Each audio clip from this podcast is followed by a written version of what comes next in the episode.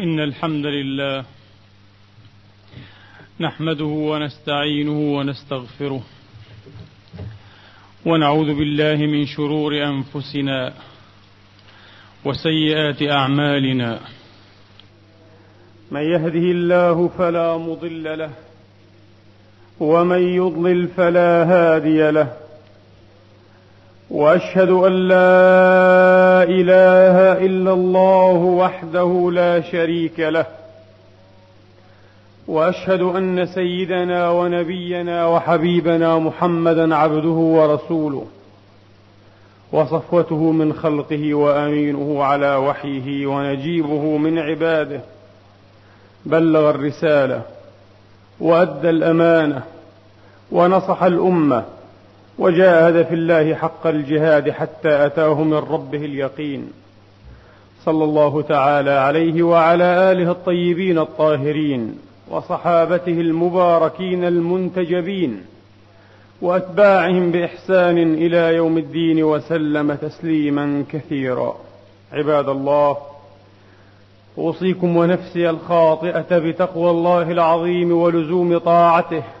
كما أحذركم وأحذر نفسي من عصيانه ومخالفة أمره لقوله سبحانه وتعالى من عمل صالحا فلنفسه ومن أساء فعليها وما ربك بظلام للعبيد.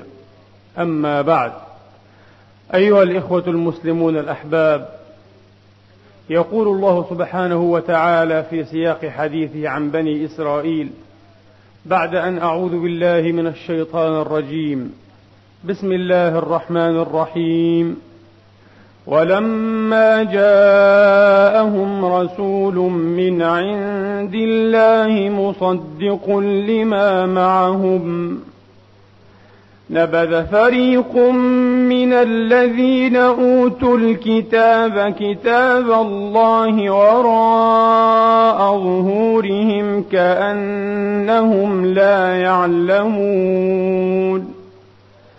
واتبعوا ما تتلو الشياطين على ملك سليمان وما كفر سليمان ولكن الشياطين كفروا. ولكن الشياطين كفروا يعلمون الناس السحر وما أنزل على الملكين. وما أنزل على الملكين ببابل هاروت وماروت وما يعلمان من أحد حتى يقولا إنما نحن فتنة فلا تكفر فيتعلمون منهما ما يفرقون به بين المرء وزوجه وما هم بضارين به من أحد إلا بإذن الله. ويتعلمون ما يضرهم ولا ينفعهم. ولقد علموا لمن اشتراه ما له في الآخرة من خلاق ولبئس ما شروا به أنفسهم لو كانوا يعلمون ولو أنهم آمنوا واتقوا لمثوبة من عند الله خير لهم خير لهم لو كانوا يعلمون. صدق الله العظيم.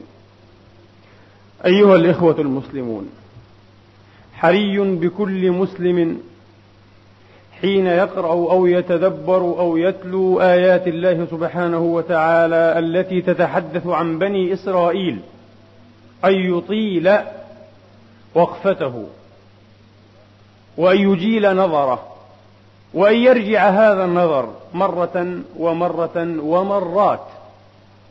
وذلك أن النبي عليه الصلاة وأفضل السلام قد أخبرنا فيما صح عنه أن الأمراض والأدواء التي ابتلي واعتل بها النفر المتدينون وربما غير المتدينين. من بني إسرائيل هي ذات الأدواء والعلل التي ستفتك بهذه الأمة والتي ستصيب المتدينين وربما غير المتدينين من أبناء هذه الأمة.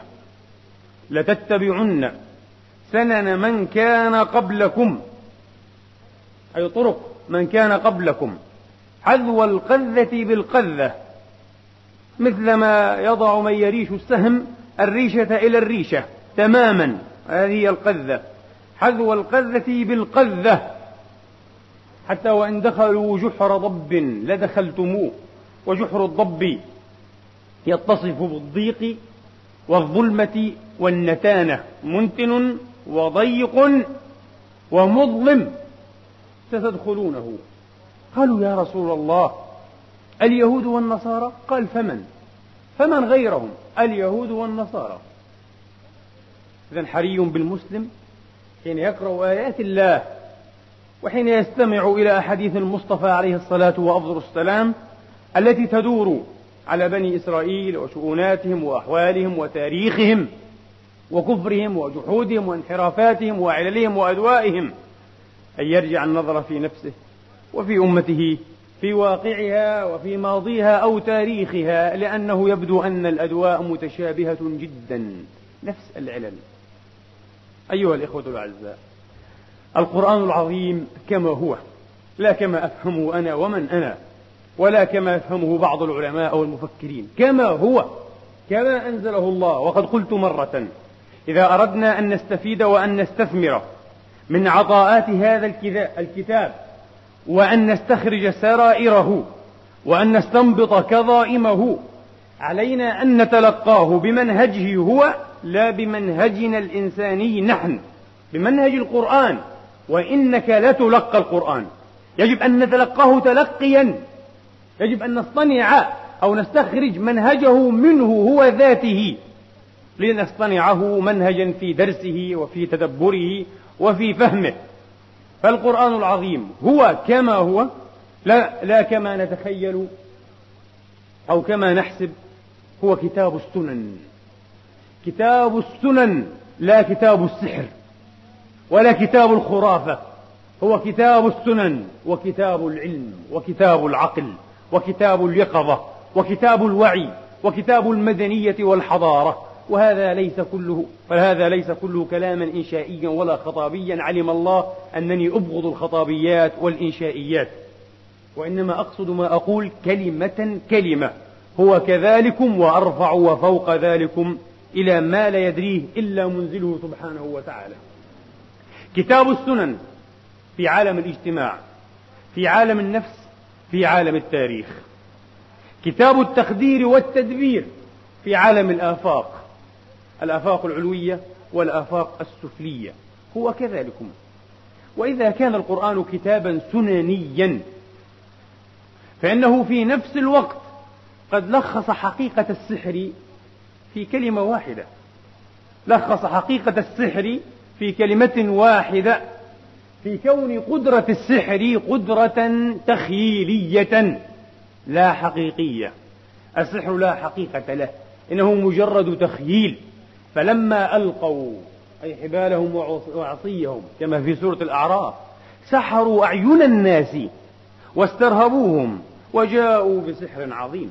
سحروا الأعين. في الحقيقة العصا لم تنقلب إلى حية وأن لها أن تنقلب. حاشا لله. هذا ليس إلا في قدرة الخالق سبحانه وتعالى. ليس في قدرة ساحر عليم أو علام. كائنا من كان هذا الساحر. سحروا أعين الناس. سحروا أعين الناس تفسرها تفسيرا أوضح وأبين. آية طه. قال بل ألقوا. فإذا حبالهم وعصيهم يخيل إليه من سحرهم أنها تسعى. هي لم تسعى لكن خيل إليه. وبلا شك أن هذه قدرة كبيرة ومرهوبة بالذات للنفس البدائية والنفس البسيطة. قدرة مرهوبة. ولذا وصف القرآن هذا السحر بأنه سحر عظيم. سحروا أعين الناس واسترهبوهم. قدرة مرهوبة. وجاءوا بسحر عظيم. مرهوبة. وقدرة عظيمة وخطرة لأن النبي موسى عليه الصلاة والسلام هو نفسه أيضا خالها خالها حيات وثعابين وأفاعي تتحرك. وداخله وجس وخوف ورهبة. أوجس في نفسه خيفة موسى. لكن هذه في عصا وهنا أيضا. يخيل إليه مثل قلنا لا تخف. إنك إذا هو خاف أيضا هنا. عند حياته التي انقلبت حقيقة عصاه. انقلبت حقيقة إلى حية كأنها جان تهتز. وخاف هنا أيضا. قلنا لا تخف إذا هي قدرة مرغوبة بلا شك. لكنها قدرة في المبدأ والمنتهى تخيلية. لا أكثر ولا أقل. ثم ثالثا هذه مقدمات الخطبة. وإذا كان بنو إسرائيل أو لنكن منصفين إذا كان نفر من بني إسرائيل قد آثروا أن يعرضوا عن الكتاب وهدايات الكتاب لينحازوا إلى السحر والسحرة. أن يعرضوا عن الهداية والرحمة والنور والبصائر العلوية لينحازوا إلى الخرافة والتخيل. تخيلوا فخالوا كما يقول العرب. تخيلوا فخالوا. قد آثروا هذه الخطة الجائرة وهذه الخطة السوء النكد. فإن الأمة الإسلامية لم تبعد كثيرا عن هذا التخير وعن هذا الانحياز الجاهل. حين لم ترتقي إلى الأفق الذي يجب عليها وإلى الأفق الذي ينبغي ويليق بكتاب الله عز وجل في فهم مقاصده وتغيي أهدافه وغاياته والدوران مع روحه والدوران مع روحه مع روح الكتاب. آثرت أن تتعامل لا مع الكتاب وحده بل مع الدين كله بطريقة سحرية. بطريقة سحرية بضرب من ضروب السحر والخرافة والتخيل. لا بعقلية علمية ولا بعقلية سننية وهي العقلية التي يعمل القرآن لمن تدبره وتلاه على تنشئتها وعلى إمدادها وعلى تقويتها. عقلية السنن. كثيرا ما أسمع وتستمعون إلى صنف من الأسئلة للعامة غرام بطرحها على العلماء أو طلاب العلم أو من يحسب على العلم الشرعي والثقافة الإسلامية. من يحسب وإن كانوا من حملة أعلى الشهادات محسوبون للأسف على هذا الدين. صنف من الأسئلة صنف من التساؤلات وأيضا نستمع آه، إلى صنف آخر من المطالب والمقترحات وأحيانا إلى نوع من السرد والطرح الذي يزعم له أنه طرح إسلامي وعلمي لأنه ناتج. عن علماء وعن مدرسين للشريعة والفقه وجوانب الثقافة الإسلامية. أشعر بضيق والله وحرج شديدين جدا وبكراهة وامتعاض أشد من الضيق والحرج الذي داخلني. لم أكن قادرا من قبل على تعليل وتحليل مبعث هذا الضيق والحرج. ثم بان لي بعد ذلك ووضح ووضح واستبان جليا وظاهرا أن هناك عاملا وجامعا مشتركا بين هذه الأسئلة وبين هذه المطالب وبين هذه الصنوف من السرديات والحكائيات والطروح التي يزعم لها أنها علمية إنها جميعا تصدر عن فهم سحري للدين. وهذا هو مبعث قلقي وضيقي وحرجي وامتعاضي لأمثال هذه الطروحات والأسئلة جميعا وسآتيكم بنموذجات إن شاء الله تعالى في تضاعيف الكلام ليضح لكم حقيقة ما أريد أن أوصله إليكم بعد قليل إن شاء الله تعالى. أولا وكان الباعث المباشر الذي بعثني من يوم هذا فقط على أن ألملم أفكاري وأن أتكلم وأتحدث إليكم في هذه المواضيع التي لا أمل من الحديث فيها. أي أيوة والله كثيرا ما تراود نفسي لقد طال العهد بالفكر والتفلسف والتنظيرات وأمثال هذه الجوانب. فهيا إلى شيء من الزهديات والرقائق والبكائيات وحديث الجنة والنار والموت وعذاب القبر ونعيمه وأحاديث الصالحين وكراماتهم وربما خرافاتهم ومخاريقهم. هيا نفسي تدفعني. أقول لا. لا أستطيع لأنني أشعر والله بالإثم. والحديث الثاني الذي تدافعني إليه نفسي أسهل علي بكثير. ولا يعوزني إلى شيء من المراجعة ولا إلى شيء من التركيز. ما هو إلا أن أؤامر نفسي آه، ثم آمرها أو ثم آمرها وأنطلق على سجيتي. متحدثا ما طاب لي الحديث ولكم الاستماع. لكنني أشعر بالإثم العظيم. لأنني أشعر كأنني لا أقول أكرس هذه العقلية حاشا لله. وإنما لا أقوم بالحق الواجب لكم علي وعلى أمثالي من هذه الإضاءات ومن عرض هذه الجوانب التي هي أحق الجوانب على الإطلاق. حق الجوانب بالعرض والتبيان والبدء والإعادة مرة ومليون مرة. لأنها أسس وأصول داء هذه الأمة عامتها وخاصتها إلا من رحم الله من هذه الخاصة. والحمد لله لا يخلو جيل من أولي بقية على علم وعلى عقل وعلى وعي وعلى درك. لكن أين هم وكم هم؟ وبالله عليكم ولعمر الحق. ما هو موقف الناس من أمثال هؤلاء؟ وما موقفهم من الناس؟ هذا هو الداء العياء كما قال أبو العلاء قديما. الباعث المباشر يا إخواني طلب إلي أحد فضلاء الناس وهو رجل فاضل ومتعلم. وفيه خير أحسبه كذلك والله حسيبه. ولا أزكي على الله أحدا. طلب إلي بعد حديث دار بيننا في بعض القضايا العلمية العامة طلب إلي أن أهتبل فرصة تواجد ولده ابنه معنا في درس أو محاضرة أو خطبة وأنهال عليه بموعظة أو بكلام أو بنصيحة أو بوصاة حول بر الوالدين لأنه ليس بارا بأبيه وليس بارا بأمه. امتعضت في الداخل شعرت بنوع من القلق الذي أشعر به دائما ولا أدري مبعثه. الآن اليوم بالذات دريت مبعث هذا القلق. بر الوالدين كما ورد مثلا هذا مثال هذا أنموذج في كتاب الله تبارك وتعالى وسنة المصطفى وسير الصالحين من أسلافنا المباركين. له بعد تربوي بلا شك وله بعد سحري في عقلية العامة ومنتدياتهم. هم مغرمون ومشغوفون بتداوله وتعاطيه. البعد التربوي للنصوص التي تتحدث عن قضية أو مسألة بر الوالدين وهي ليست مسألة هينة بلا شك مسألة اجتماعية هامة خاصة في المعايشة في الاجتماع التعايشي بلا شك والتكيف بين الآباء وأبنائهم وبين الأمهات وبناتهم وبناتهن أو أولادهن على كل. البعد التربوي يتبلور في أنه يجب أن تستغل هذه النصوص في برنامج تربوي ممتد طويل. يبدأ من المراحل الأولى للطفولة الباكرة ويمتد إلى إلى النهاية إلى نهاية العمر. له بعد تربوي وهذا يحتاج إلى كلام تربوي طويل.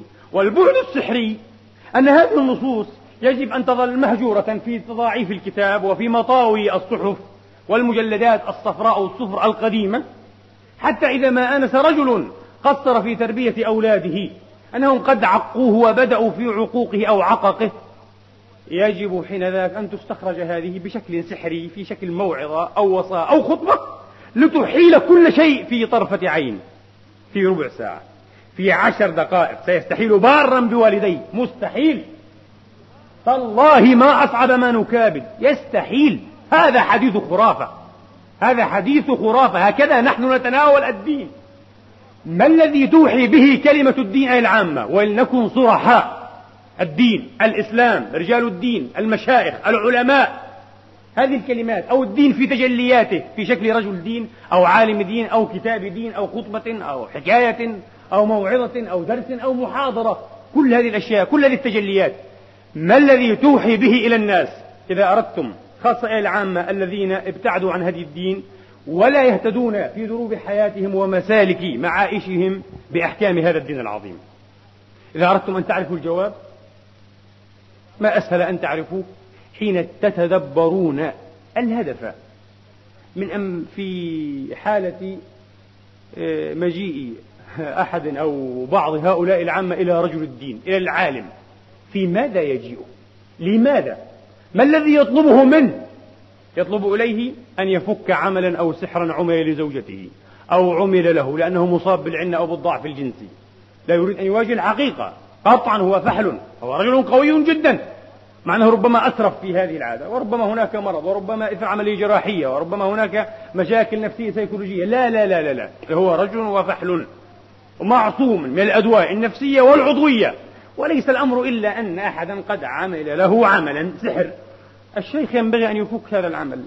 ابنته القبيحة الجاهلة التي لم تتحصل على قسط من العلم ولم تمنحها القدرة الإلهية لحكمة إلهية شيئا من الجمال وشيئا من الوسامة والملاحة بائرة وعانس. يأتي إلى الشيخ لكي ينفقها له. طبعا كل هذه الأشياء أوتيت فيها مرات ومرات وما زلت أوتى بها. وعندما أوتى بأمثال هذه المطالب أشعر بنفسي حقيرا. والله العظيم أشعر بنفسي حقيرا وصغيرا ومرذولا وسخرية. أضحوكة من أضحوكات العامة ومن أضحوكات هذا التدين العلي الجاهل. كذلكم أشعر في نفس الوقت أن كل من هم أمثالي وفوقي ودوني ممن ينتسبون إلى ضرب من ضروب العلم أو التعليم لهذا الدين أضحوكة أضاحيك ومساخر ومهازل في دروب حياتنا المظلمة القابضة. أنواع الفشل في الحياة الاجتماعية وكما قلت في ضروب التكيف. داخل الأسرة أو في المدرسة أو في العمل أو في الشارع. كل ضروب التكيف المختلفة التي يعالجها علم الاجتماع وعلم النفس وغير هذين العلم من علوم العلمين من علوم كثيرة.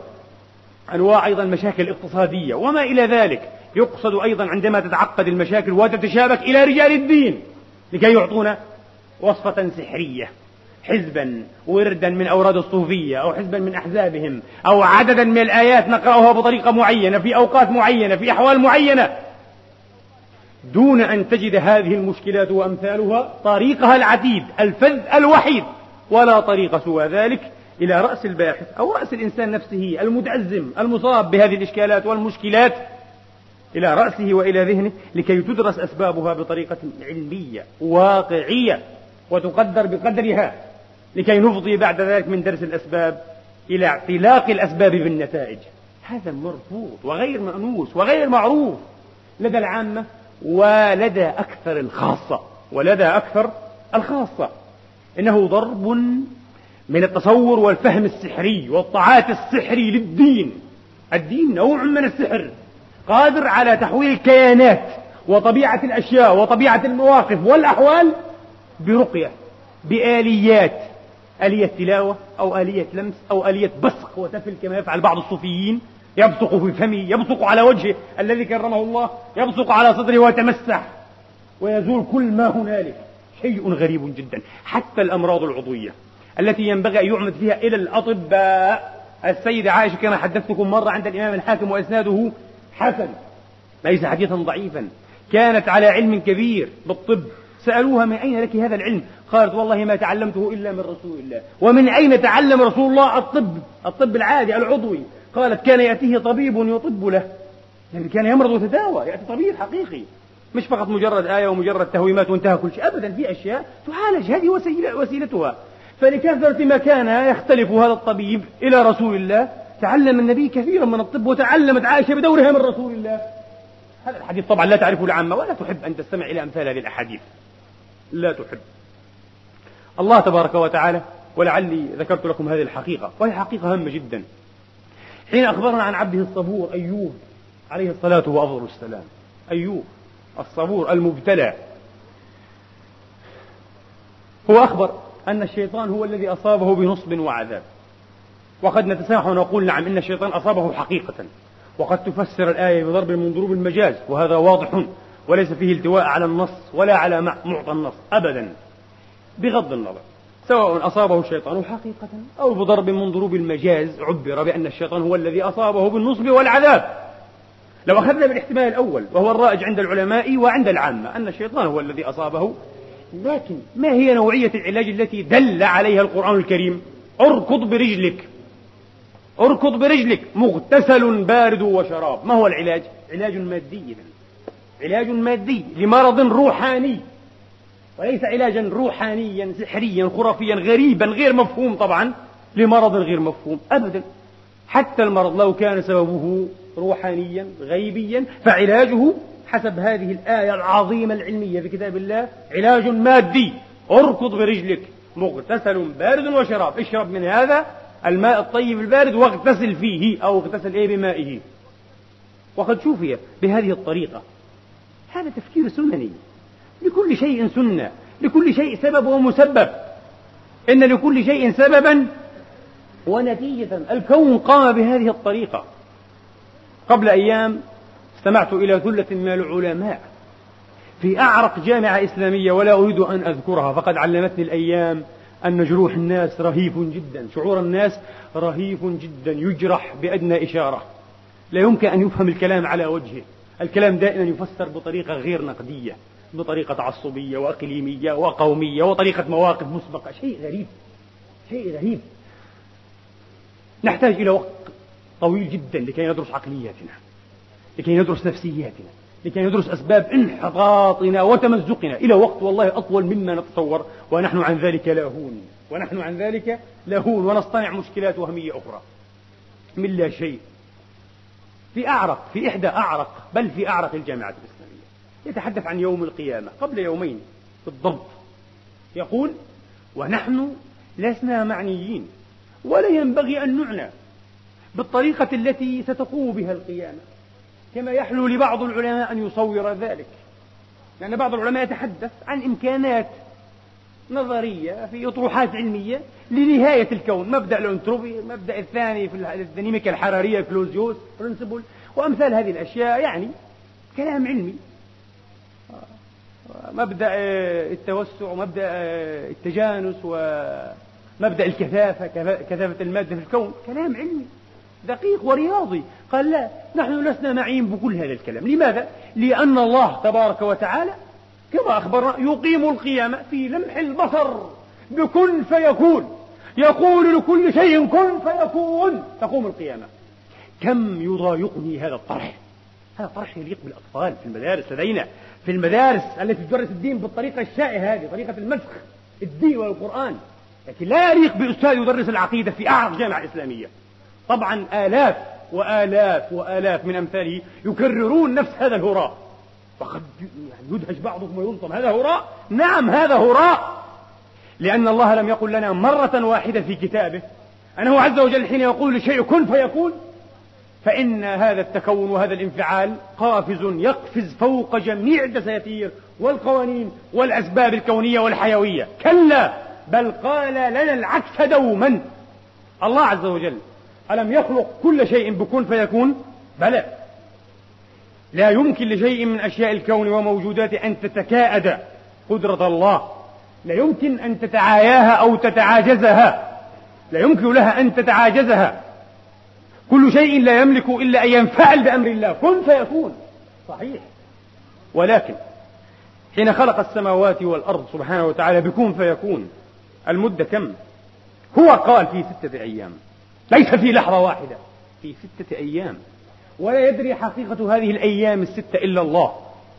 نحن نعبر بطريقة علمية أنها حقب. أحقاب. أحقاب إلهية أو أحقاب كونية. لا نستطيع أن نقدر قدرها. بعض العلماء لديهم تلطفات أساليب لطيفة دقيقة. فاستنباط عمر الكون وعمر الأرض من كتاب الله عز وجل وقد أصابوا في ذلك. وهذا عجيب وليس هذا مقامه هذا مقام موضوع آخر في الإعجاز العلمي. شيء غريب. حتى القرآن أعطى ذلك بتحديد دقيق. أعطى عمر الأرض بتحديد دقيق أقل من خمس مليار سنة. أربعة وستة في العشرة. صحيح وأهل العلم يقول كذلك. والقرآن أعطى ذلك. هذا له مجال آخر. على كل حال والكون قريب يعني من 13 8 في العشرة إلى 15 مليار سنة. عجيب جدا. طيب. آدم. إن مثل عيسى عند الله كمثل آدم. كلاهما خلق بطريقة واحدة أو مشابهة. خلقه من تراب ثم قال له كن فيكون. لكن القرآن نفسه قال إن آدم خلق على مراحل ومراحل متطاولة لست ملزوزا إلى سردها أو إلى ذكرها تعلمونها. من تراب ومن طين ومحمد مسنون ومستصل كالفخار وبعدين سواه وصوره ونفخ فيه من روحه وبعدين أجده الملائكة. مراحل في بعض الروايات ولعلها من الإسرائيليات ولا يعنينا في كثير أو قليل آه، أن تصدق هذه الروايات أو تكذب آه، أنها استمرت هذه المراحل أربعين سنة ولعلها من سني الآخرة. أو من سني, آه من سني الآخرة. أربعين سنة. عيسى بإجماع المليين من المسيحيين والمسلمين تلبث في رحم أمه تسعة أشهر. ومع ذلك قال تعالى كن فيكون. نعم كن فيكون. لكن كيف كن فيكون؟ ليس كن فيكون التي تقفز على الدساتير والأسباب والسنن أبدا لكنها تعبر عن الأمر يعطيه الأمر كن ولم يعبر بقوله فكان. يعني مثل عيسى كمثل آدم وكلاهما قد كان فيما كان لكن لم يقل كن فكان وإنما قال كن فيكون. لكي يعطينا هذا الفهم السنني الدقيق. أن قضية كن هي بداءة الأمر الأمر. وقد شبهت ولله المثل الأعلى في السماوات وفي الأرض سبحانه. شبهتها بالرجل الذي يقوم ويتوفر على اصطناع برنامج في الحاسوب برنامج علمي أو حسابي أو ما إلى ذلك. ربما يستغرقهم الوقت سنة كاملة. يتوفر على صنعي وترتيبي وتنظيمي وإعدادي وإنشاء هذا البرنامج. حتى إذا ما استتم هذا البرنامج وتم وكمل في ذاكرة الحاسوب أعطاه أمرا بالتكون كن فيكون بالتكون بالظهور إلى عالم الشهادة أمامنا على ورق مطبوع. برنت تعطيه أمر الطباعة كلمة واحدة وتبدأ الطباعة وتبدأ في مراحلها. بحسب طول البرنامج بحسب طول وعظم هذا البرنامج. وتبدأ الطباعة تستمر ربع ساعة نصف ساعة أحيانا ساعتين ثلاث ساعات بحسب طول البرنامج. ليست طباعة كتاب في 500 صفحة كطباعة كتاب في خمس صفحات بلا شك. هكذا ولله المثل الأعلى ربما أو قريب من هذا. هكذا نستطيع أن نتصور ونتخيل كن فيكون. هكذا يخلق الله تبارك وتعالى الأشياء. بكن فيكون. ليست كن فيكون كما علمونا وكما لا يزال يعلم المسلمون أنها شيء فوق الأسباب فوق السنن. نحسب أننا نعظم ربنا ونقدره ونقدره حق قدره إذا جعلناه دائما فوق القوانين التي خلقها. القوانين التي أمرنا بأن نحسب حسابها. الفرق بين الموقف السنني والموقف السحري هو الفرق بين الطفولية العقلية وبين النضج والاكتهاء العقلي. فرق. لاحظت دائما مرات عديدة أن بنيتي الصغيرة حين أعطيها البالون وأنفقه لها يصيبها نوع من الفزع والخوف. وتتردد تتردد أكثر من نصف ساعة في مجرد لمسه. إنها أمام ظاهرة غريبة. شيء صغير يصبح شيئا كبيرا في لحظة. كيف؟ لا تستطيع أن تفسر. فتأخذ موقف التوجس وموقف الخوف فأوجس في نفسه خيفة موسى السبب غير ظاهر لها. السبب ولكن هناك سببا. لكن هناك سببا بلا شك. إن هناك سبب يا إخواني. إن هناك سببا. لكنه لا يظهر لهذا الطفل الصغير صاحب العقل البسيط الذي ليس له دربة ولا تمرس بالتحليل والاستنتاج والتعليل والتفكير العلمي أو التفكير النقدي. إن هناك أنفارا وليس نفرا من الناس يمكثون جامدين لدى مرحلة الطفولية العقلية. وإن حملوا أو احتملوا أو حملوا أعظم وأرقى الشهادات العلمية. إنهم بالنسبة إلى الزمان ألصق وأنسب بالعصور البدائية وبالنسبة إلى النفسية ألصق بالطفولية. ليسوا متعلمين ولا أصحاب علم ولا أصحاب دراسة وإن حملوا ما حملوا من الشهادات. يجب أن يكون التفكير العلمي والنقدي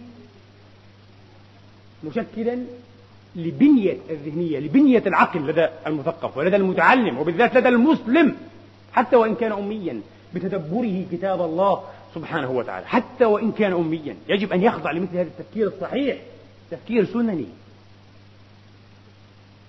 قبل سنتين جلست في جلسة عميدها رجل من علية القوم ورجل صاحب منصب كبير جدا في بلده من مناصب الحكم وهو بحمد الله متدين وملتحن.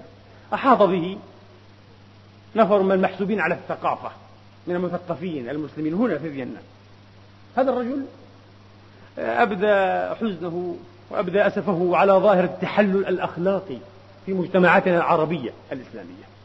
وبالذات ظاهرة تحرر المرأة من قيود العرف والدين والأخلاق ورضاء أكثر الرجال بذلك. الرجل يرضى ذلك من أمه ومن أخته ومن زوجته ومن ابنته. يرضى لها أن تخرج سافرة وأن تفعل ما تفعل. وبدأ يقص علينا الحكاية والأقاصيص في فجوات الأجيال. كيف كان الجيل الأول جيل أمهاتنا وجداتنا وكيف الآن جيل بناتنا وزوجاتنا. فرق كبير بين هذه وهذه. ظاهرة اجتماعية لا ريب أنه يقوم لتعليلها وتحليلها من الأسباب والعوامل ألف عامل وألف سبب. ويعلم ذلك كل متمرس بدرس الاجتماع. ألف عامل وألف سبب لكي نحلل هذه الظاهرة. لم يجد هذا الرجل الذي هو من علية القوم. وهذا الرجل لا أريد. لم يجد إلا سببا واحدا. سببا جامعا فذا. السبب يغنينا عن كل هذه العوامل عن ألف عامل ألفين عامل وألفي عام عن جميع الأسباب يغنينا. ماذا قال؟ حكى لنا حكاية. حكاها له رجل من أصدقائه ومعارفه. كان يعمل هذا الرجل بالقدر بالقضاء والقدر بالصدفة. كان يعمل في مصنع للشوكولاتة في بلد من بلدان الغرب. واكتشف الرجل مؤامرة خطيرة. إي والله خطيرة خطيرة جدا. اكتشف أن هؤلاء الغربيين يتقصدون دس الدسم أو الدهن الخنزيري أكرمكم الله وحشاكم في الشوكولاتة التي يعمد إلى تصديرها إلى البلاد العربية الإسلامية. ما هو الهدف؟ ما هو القصد؟ أن يخففوا أن يخضوا على بذور وأصول الغيرة والنخوة والأنفة في نفوس رجالنا. الله أكبر. الله أكبر. ما هذا التفسير العلمي العجيب؟ سبح الناس وكبر. سبحان الله. والله. وأكره النفاق. أنا رجل آفتي أنني لا أستطيع أن أداري في الحقائق ولو جر علي ذلك ما جر ولا أستطيع أن أتملق العامة ولا الخاصة لتحكى الحقائق كما هي. يرضى من يرضى ويسخط من يسخط. يجب أن نحاول دائما إبراز الحقائق. سبح بعضهم وكبر بعض. سبحان الله. الله أكبر. كشف السر. إذا لسنا معوزين ولسنا محتاجين أن ندرس العوامل الاجتماعية والأخلاقية والعرفية والتربوية. وعوامل الحكم العلماني في بلادنا التي أدت جميعا في تفاعل شيطاني خبيث عنكد. إلى أمثال هذه الظواهر كثير. التحلل الأخلاقي وغير الأخلاقي التحلل من كل من أكثر قيود الإسلام وشرائعه وشعائره. لسنا محتاجين إلى ذلك. السبب واضح وبسيط. دهن الخنزير في الشوكولاتة التي نأكلها. وآلاف من الذين لا يأكلون الشوكولاتة ولا يطيقون أكلها. أين ذهبت غيرتهم يا أستاذي؟ أين ذهبت نخوتهم يا معلم المسلمين الخير؟ قلت له يا أستاذ هذا كلام لا يقال أمام الناس رجل كبير. لا أستطيع أن لا أستطيع لا أقدر. قلت له هذا كلام لا يقال كلام بريء من روح العلم. فحدق بها كذا استغرب. فهؤلاء طبعا وهلوا وذهلوا. هذا كلام بعيد جدا. لا يمكن أن يقال ليس عليه أثارة من علم ثم بدأت في نقاشه فما هو إلا أن سكت ممتعضا لم نبدي الموافقة. بغض النظر أبدى أو لم يبدي هذه هي الحقيقة. موقفنا من التاريخ. موقفنا من التاريخ. التاريخ. قلت مرات عديدة من على هذا المنبر أن القرآن يؤكد على دراسة التاريخ دراسة سننية. يجب أن يدرس التاريخ دراسة سننية. هل درس المسلمون التاريخ؟ أنا أزعم وأقرر بلا غرور وبلا انتفاج وبلا زعم. باطل من البرهان. أن المسلمين لم يقرأوا لم يدرسوا التاريخ. هم تلوا ويتلون يتلون التاريخ. قراءة تبرك وأعني بالتلاوة قراءة التبرك كما يتلى كتاب الله. تلاوة عارية عن تدبر وعارية عن فهم وعن وعي. نحن نتلو التاريخ. التاريخ مقدس كله مقدس. كله صحيح كل ما فيه طيب وجميل. ثم إن هذا التاريخ ليس له تأثير ليس له تأثير على واقعنا. لماذا نعالج بعض المشاكل التاريخية القديمة؟ لماذا؟ لماذا ننبش القبور؟ لماذا نحفر على المقبورين؟ كلا هذا لا يجوز لأن هذه أمة قد خلت لها ما كسبت ولنا ما نكسب. ولن نسأل عما عملوا هكذا نفهم الآية على أنها تعطيل لدرس التاريخ دراسة سننية. أمة عجيبة هي هذه الأمة. والله العظيم أمة عجيبة أنا أقول هي هذه الأمة أعجب منها علماؤها الذين يكرسون أمثال هذه العقليات. وليس لديهم من الجراءة ولا من الوعي ولا من الفهم ولا من التعمق ما يرتقون به إلى فهم الحقائق الأصيلة. حقائق مرضنا وحقائق علاجنا. حقيقة الداء وحقيقة الدواء. كلا كلا لا ينبغي أن يدرس التاريخ. كذلكم النفوس. أنا سمعت عن كتاب ألفه أحد الإخوة المصريين في تحليل نفسية الأنبياء ولأكن صادقا معكم. أنا استبشرت. أنا لا أدري الكتاب ولم أقرأه إلى الآن. ولم أدري من هو الكاتب. هو إسلامي ملتزم أو مذبذب أو علماني ونحن مولعون بالتصنيفات. والتصنيفات طبعا تسهل علينا الطريق في الحكم على العمل والعامل دون أن نقرأ. هو علماني خلاص. هو كتاب فاشل. كتاب ضد الأنبياء لهدم الإسلام مؤامرة. حلقة في مؤامرة بلا ريب. طبعا تصنيفات عقلية التصنيف عقلية التعصب. أنا استبشرت. قلت شيء طيب وجميل. أن يوجد من أبناء المسلمين من يبحث هذا المبحث. لعل الكاتب أخطأ كثيرا ولعل خطأه أكثر من صوابه ولعل العكس هو الصحيح. لا أدري أنا لم أقرأ الكتاب. ولكن وجدت أن هناك حملة عجيبة. ممن ينتسبون إلى الثقافة الإسلامية على الكتاب والكاتب وأكثرهم لم يقرأ الكتاب. لكن الفكرة ذاتها لكن الفكرة ذاتها مرفوضة. كيف تحلل الأنبياء تحليلا نفسيا؟ يعني ماذا في تحليل الأنبياء نفسيا؟ أليسوا بشرا؟ هم بشر. ونحن حين نحللهم نفسيا وحين ندرسهم اجتماعيا وتاريخيا ستبدو لنا عظمتهم أكثر مما هي بادية سندرك سر عظمة الأنبياء. سنستطيع أن نفسر كثيرا من الأحداث. سنفهم قوله تعالى الله أعلم حيث يجعل رسالته ولأول مرة بطريقة صحيحة. فهمتم؟ سنفهمها بطريقة صحيحة. ما معنى؟ طبعا عند العامة الله أعلم حيث يجعل خلاص أنه جعل وانتهى كل شيء. انتهى. جعل. خلاص هو جعل. أراد أن يجعل فليجعل. لكن لماذا؟ لماذا هذا الشخص بالذات؟ تاريخ حياته. تاريخ نفسيته تطوره العقلي الذهني النفسي الأحداث البيئة الجغرافيا نفسها. الجغرافيا المكان الذي عاش فيه. ويليام بولك أستاذ في الأدب الإنجليزي كبير جدا على مستوى العالم. انظروا بالله عليكم. هذا الرجل حين أراد أن ينشر ترجمة لقصيدة لبيد ابن ربيع العامري عفت الديار محلها فمقامها بمنن تعبد غولها فرجامها. القصيدة الطويلة العصماء العظيمة من المعلقات والحوليات السبع. ماذا فعل؟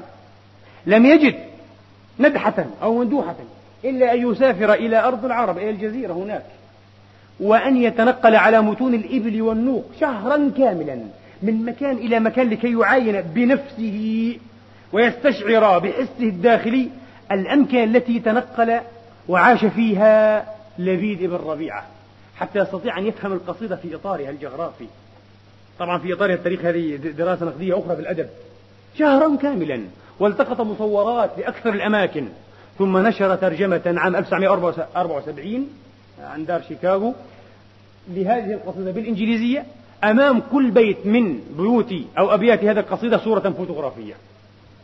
بدأ العرب يصفقون ويهللون ويباركون. هذا العمل العلمي العظيم. لقد كفانا المؤونة. لله درك ودر أبيك. بارك الله فيك.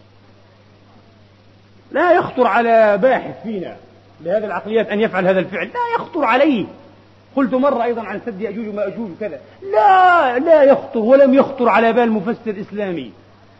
أن يتجول في الأرض أو على بال وزارة الثقافة والآثار والإعلام أو الحكومة في بلداننا أن تمد أحد الباحثين الجادين من الشباب أصحاب الهمة, الهمة والقوة والجد على البحث. آه بمبلغ من المال ووسائل وآليات البحث الأثر والعلمي. ليطوف بالأرض ويحقق مسألة السد يا إخواني. يعني بعض الأقزام أقزام العلمانية في بلداننا صاروا يرددون في محافلهم ومنتدياتهم وعلى متون صفحات كتاباتهم أن هذه أساطير الكتاب كالصادق النيوهوم وصادق العظم وأمثال هؤلاء القردة. قردة! يكذبون الله أساطير! قالوا هذه أساطير! كلها أساطير! وهي مع كونها أساطير إلا أنها قالوا إلا أنها قالوا تؤدي دورا طيبا في بنية العقل الديني. تحقير تحقير للدين والقرآن والوحي. ليس لدينا طريقة علمية حقيقية يا أحبابي.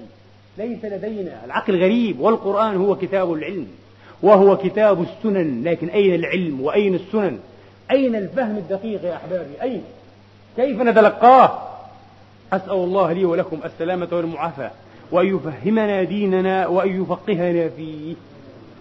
أود أن يأتي يوم حين نقرأ دراسة في علوم القرآن. كم قرأتم وكم مر بكم من دراسات خاصة, خاصة يعني للدارسين فيكم عن علوم القرآن. كلام معاد مكرر ومعاد. نفس الكلام نفس المباحث المكي والمدني وأسف. كلام طيب هذا ومطلوب كله. لكن أين الزيادات؟ أوقف القرآن عند هذه المطالب فقط؟ أليس هناك مجال للبحث في علوم ومعطيات وآماد وآفاق أخرى لكتاب الله؟ بلى والله هناك الكثير الكثير. الذي لم يفكر فيه دائرة الله مفكر فيه ودائرة الله مبحوث فيه لم يرتده أحد من الناس. عجل الله بالفرج على هذه الأمة أو لهذه الأمة أقول قولي وأستغفر الله لي ولكم. العامة لدينا وأنها حقيقة عقلية تفهم الدين وتتعامل معه بطريقة سحرية بطريقة سحرية. طبعا من أظهر الدلائل على ذلك أن السحر لدينا والعرافين والكذابين والمتزندقين من أصحاب العمولات والكلام الفارغ هذا هؤلاء يسمون لدينا بالمشايخ. الشيخ فلان أليس كذلك؟ نجود عليهم بألقاب الشيخ. كثير منهم لا يرتدي المساجد لا يصلي الجماعات ولا يأتي إلى الجمعات ومع ذلك هم شيوخ بلا شك لأن لفظة الشيخ قريبة جدا من لفظة الساحر. ونفهم المشيخ والدين بطريقة سحرية فليكن أيضا هذا من جملة الشيوخ ولا بأس. مع أنه من أبعد خلق الله عن الدين والمشيخة عن الدين والمشيخة. لو قمنا بدراسة ميدانية ونحن يعني نقرر مطمئنين لسنا محتاجين أن نقوم بها لأن النتيجة قطعا معلومة سلفا مما وقع لنا ومن الاستقراء التلقائي الذي يقع كل يوم. لو قمنا بدراسة ميدانية لنرى أي صنف وأي نوع من الكتب والدراسات الإسلامية يحظى بالعناية الفائقة والشغف الجماهيري شغف العامة. بلا ريب يأتي على رأس قائمة الكتب كتب الخواص. ما معنى كتب الخواص؟ هذه في العامة أحكي عن العامة. خواص القرآن. جدا لدى العامة هذه كتب الخواص. أيضا ليس خواص الآيات والأحاديث خواص الأحزاب والأوراد حزب البحر وحزب النهر وحزب كذا وحزب كذا. هذا يقرأ